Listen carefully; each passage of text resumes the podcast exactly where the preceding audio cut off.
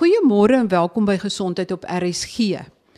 Ons gesels ver oggend oor tipe 2 diabetes.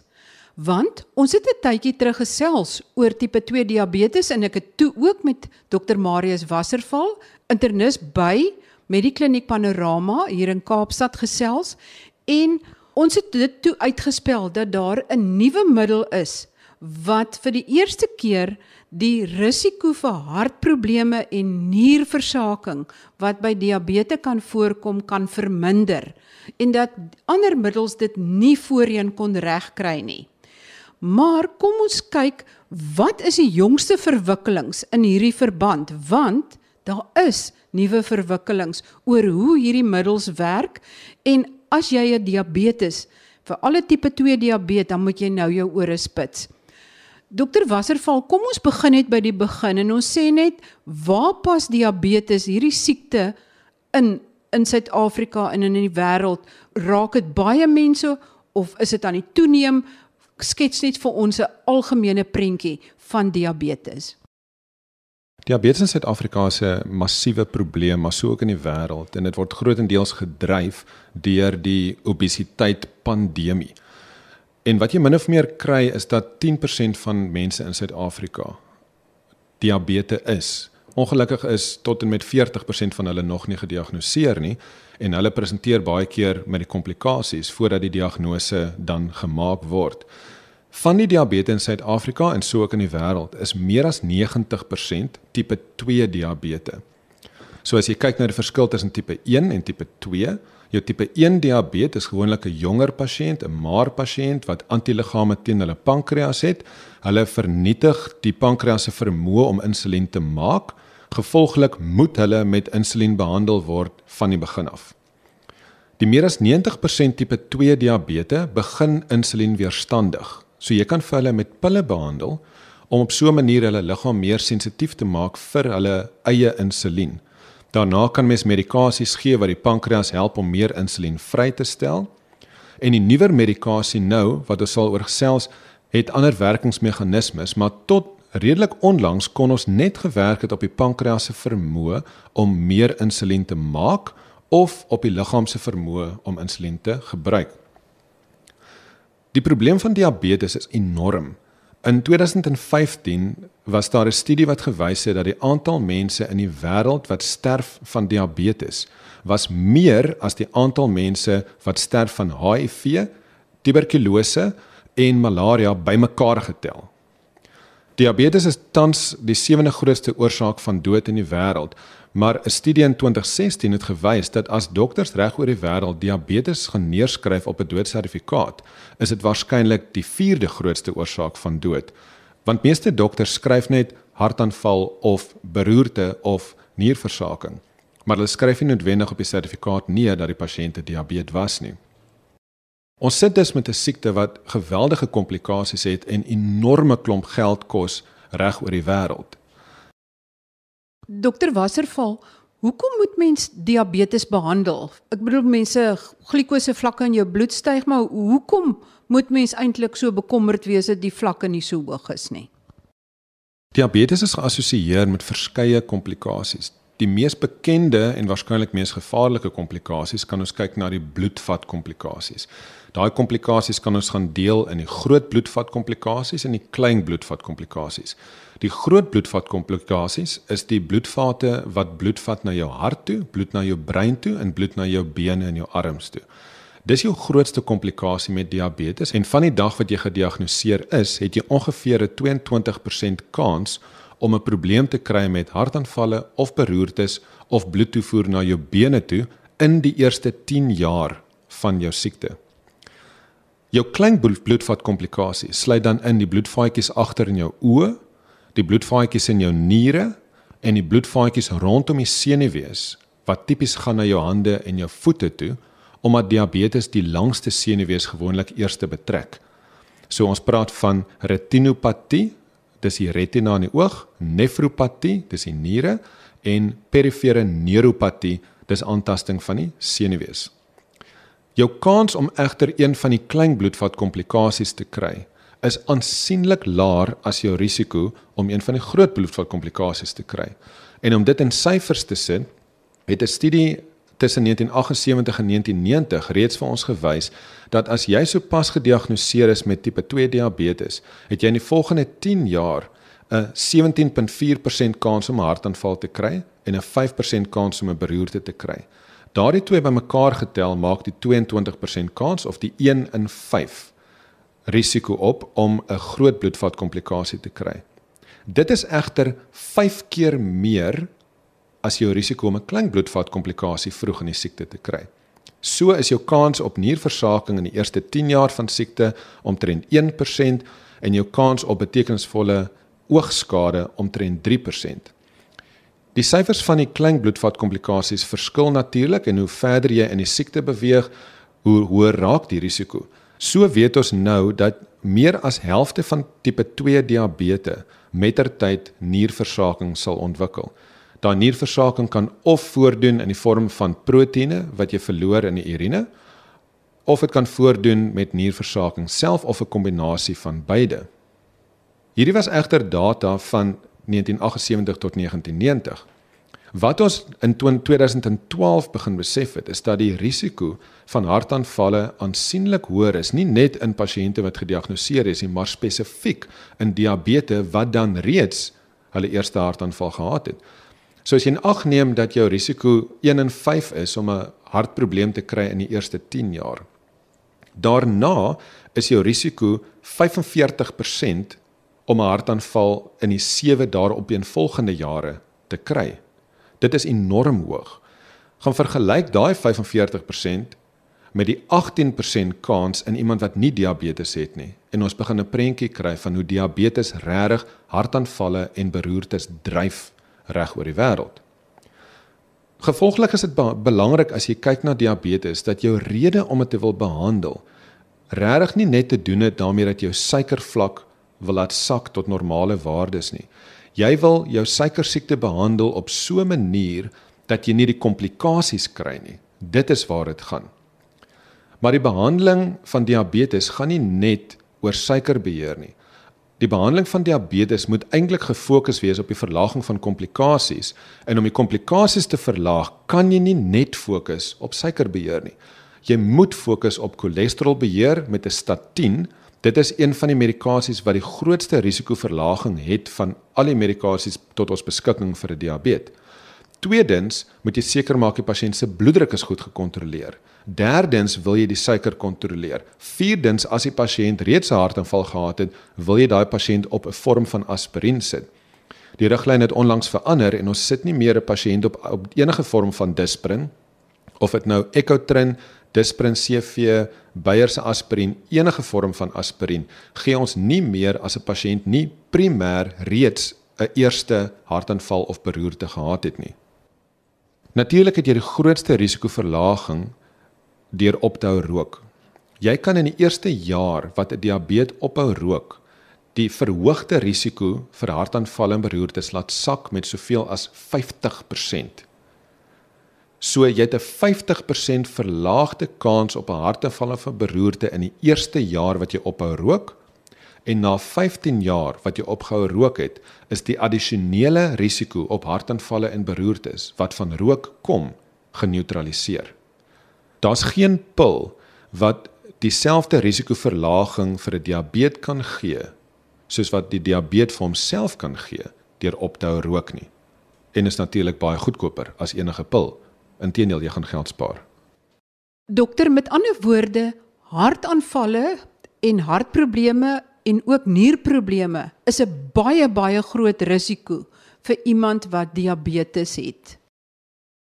Ja, dis 'n enorme risiko en om dit in syfers te sit, 1 in 5 pasiënte sal in die eerste 10 jaar hartaanval of beroerte kry. Meer as helfte van tipe 2 diabetes sal in hulle lewenstyd 'n mate van nierversaking kry en daai nierversaking pasiënte het natuurlik enorme verhoogde risiko vir opeenvolgende hartaanvalle. Inteendeel, die nierversaking wat jy kry saam met diabetes is bewys om jou lewensverwagting te verkort meer as wat prostaatkanker of kolonkanker doen. Prostaatkanker gee vir jou omtrent 'n lewensverwagting van 15 tot 17 jaar. Kolonkanker, as dit behandel word, gee vir jou lewensverwagting van omtrent 10 jaar. 'n tipe 2 diabetes met nierversaking het 'n lewensverwagting van 5 tot 8 jaar. Dit op sy eie is eintlik net sekondêr tot longkanker byvoorbeeld wat vir jou 'n lewensverwagting gee van 5 jaar as dit optimaal behandel word. So as ons gaan begin kyk na die omvang van diabetes en die komplikasie van diabetes en die risiko wat gepaard gaan met die organe wat geaffekteer word, kan ons begin sien waarom diabetes so hoog op die lys van oorsake van sterftes is. Maar met die medikasie wat tot dusver beskikbaar was sonder die nuutste medikasie waaroor ons nou nou gaan praat kon mens dan nie die glikose vlakke in die diabetes goed genoeg kontroleer sodat mens hierdie risiko's kon verlaag nie Ek dink dit is belangrik om te besef dat diabetesbehandeling nie net gaan oor suikerverlaging nie. Vir die afgelope 30 jaar was ons medikasie baie goed om die suiker af te bring. Ten spyte van die medikasie wat ons beskikbaar het, het 'n onlangse studie gewys dat meer as 70% van diabetes reg oor die wêreld nie gekontroleer is nie.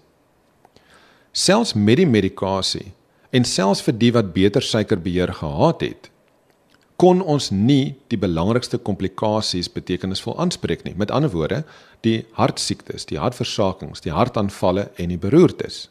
Ons gaan nou fokus op die spesifieke medikasie wat beskikbaar is vir tipe 2 diabetes, die pille en die inspuitbare middels en ons gaan kyk presies waar hierdie middel wat op die niere werk inpas.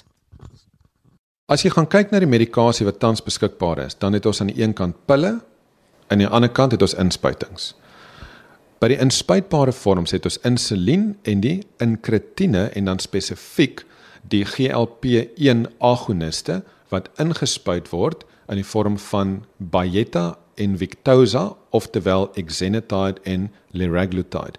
Ons kan verder daaroor praat. Hierdie medikasie is nie insulien nie, maar het geweldige voordele en spesifiek liraglutide of Victoza het betekenisvolle hartbeskerming in hulle studies gewys. Aan die ander kant het ons pille. Meeste mense, veral diabetes, sal weet van Metformin of Glucophage wat nog steeds jou eerste en belangrikste pil is waarop alle tipe 2 diabetes moet wees tensy hulle neeweffekte het van naait of diarree of buikkrampe. Ongeveer 18% van pasiënte sal 'n mate daarvan ervaar en as jy verander van die glucophage na die glucophage XR, dan het aansienlik minder van daardie pasiënte neeweffekte en kan jy ook die voordeel gee van metformin. Tweedens het jy 'n pil met die naam gliclazide MR, baie van ons sal dit ken as Diamicron of Diaglucide. Derdens het jy 'n pil met die naam Pioglitazone. Vierdens het jy pille wat ons na verwys as die DPP4 inhibitore. Dis ook 'n incretin wat werk soos die GLP-1 agoniste, maar nie heeltemal so sterk is soos die inspuitbare vorms nie. Hierdie pille sal ons ken as Galvus of Januvia of Onglyza en baie keer word dit gekombineer met metformin in Galvus Met of Janumet. Die belangrike ontwikkeling is egter die toevoeging van hierdie nuwe medikasie wat werk op die niere se vermoë om suiker uit te skei. Daar word na hulle verwys as die SGLT2 inhibitore en dit verwys na die natriumglikose transport inhibitore in die nier oftelwel die sodium glucose transporter inhibitors in Engels. Huidiglik is daar 4 van hierdie molekules reeds beskikbaar in die wêreld. In Suid-Afrika is daar 2 beskikbaar. Die een se naam is Dapagliflozin of ons ken dit as Forxiga en die ander een se naam is Empagliflozin en ons ken dit as Jardiance. As ons dan nou kyk na die pille en die inspuitbare vorms van diabetesterapie, is dit belangrik om te besef dat hierdie medikasie almal 'n redelike effek het om suiker te verlaag. Maar ons het oor die afgelope 30 jaar besef dat om net die suiker af te bring nie die komplikasies van diabetes regtig aanspreek nie. So weet ons dat die enigste medikasies wat wel die groot bloedvat komplikasie van hartsiektes en beroertes aanspreek, is dan werklik metformin of glucophage wat gegee word in 'n oorgewig jong nie gediagnoseerde diabetes. In daai pasiënt het dit 'n 38% verlaging in risiko. Ons weet egter nie of jy dieselfde beskerming later in die siekte het nie, maar metformin het wel allerlei ander voordele wat geweldig belangrik is en dit is goedkoop en dit word goed getolereer. Die enigste ander medikasies wat bewys is in studies om jou risiko vir 'n hartaanval of terwyl hartsiektes en beroertes te affekteer, is eerstens die liraglutide of terwyl Victoza. Dit kom in 'n inspuitbare vorm teen ongeveer R2400 per maand en dan hierdie nuwe medikasie die SGLT2 inhibitore wat onlangs groot opskudding in die diabetes wêreld veroorsaak het as gevolg van al die voordele wat hierdie pille inhou. So uit al die medikasies wat ons beskikbaar het, sal meeste van hulle wat suikervlakke bietjie laat sak, wel die klein bloedvat komplikasies aanspreek. Maar die groot bloedvat komplikasies is dan juis die groot risikofaktor. En ons kon nie dit aanspreek vir die afgelope 20, 30 jaar nie. Nou weet ons dat met Formin, die SGLT2 inhibitore en die GLP1 agoniste wel jou risiko op hartprobleme kan verlaag. Die GLP1 agoniste of dan wel Victoza is die enigste middel wat tans in Suid-Afrika beskikbaar is wat bewys is om ook jou beroerte risiko bietjie te verlaag. Die SGLT2 inhibitore, Forxiga en Jardiance wat in Suid-Afrika beskikbaar is, het enorme voordele op nierversaking, hartversaking en in mense wat reeds hartprobleme het om tweede hartaanvalle te voorkom.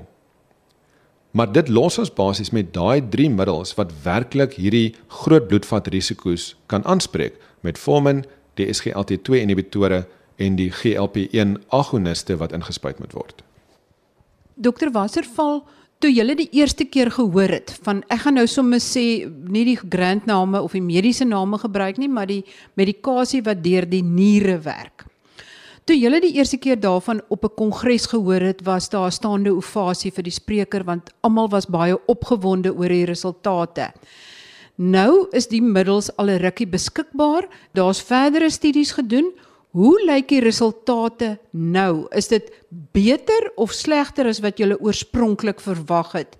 Want julle het hoë verwagtinge gehad van hierdie middels. Ek dink die verwagtinge is totaal en al oortref deur die studies wat op hierdie stadium deur die wêreld beskikbaar raak. As jy gaan kyk na wat ons van die middel verwag het, dan moet jy aanvaar dat die middel werk deur jou niere toe te laat om suiker uit te skei. So jou niere hou nie vas aan suiker nie.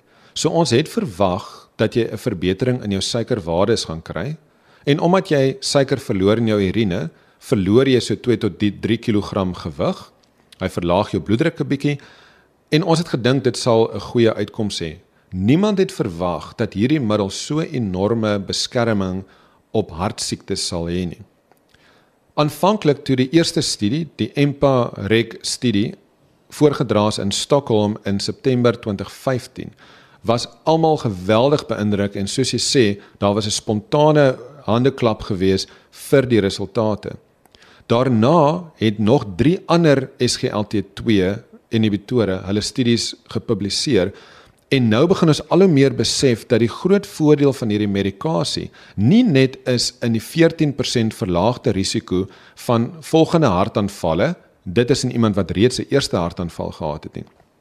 Ons begin nou besef dat die risikoverlaging wat jy het in pasiënte wat nog nie 'n hartaanval gehad het nie, amper meer betekenisvol is. As jy in ag neem dat meer as 50% van tipe 2 diabetes nierversaking ontwikkel in hulle lewenstyd, dan sê jy verstaan dat ons opgewonde is dat hierdie middels bewys is om 45% verlaging in risiko vir nierversaking in tipe 2 diabetes wat nog nie 'n hartaanval gehad het nie te bewerkstellig. Verder verlaag dit jou risiko op hartversaking met 31%. En ja, as jy reeds 'n hartaanval gehad het, dan verlaag dit jou risiko op 'n volgende hartaanval en dan hartsiektes en spesifiek hartversaking met 'n verdere 14%. Dis baie moeilik om vir iemand wat, wat nog nie 'n hartaanval gehad het nie, 'n sekere medikasie te gee en te sê hierdie pil wat ek vir jou gee sal toekomstige hartaanvalle keer.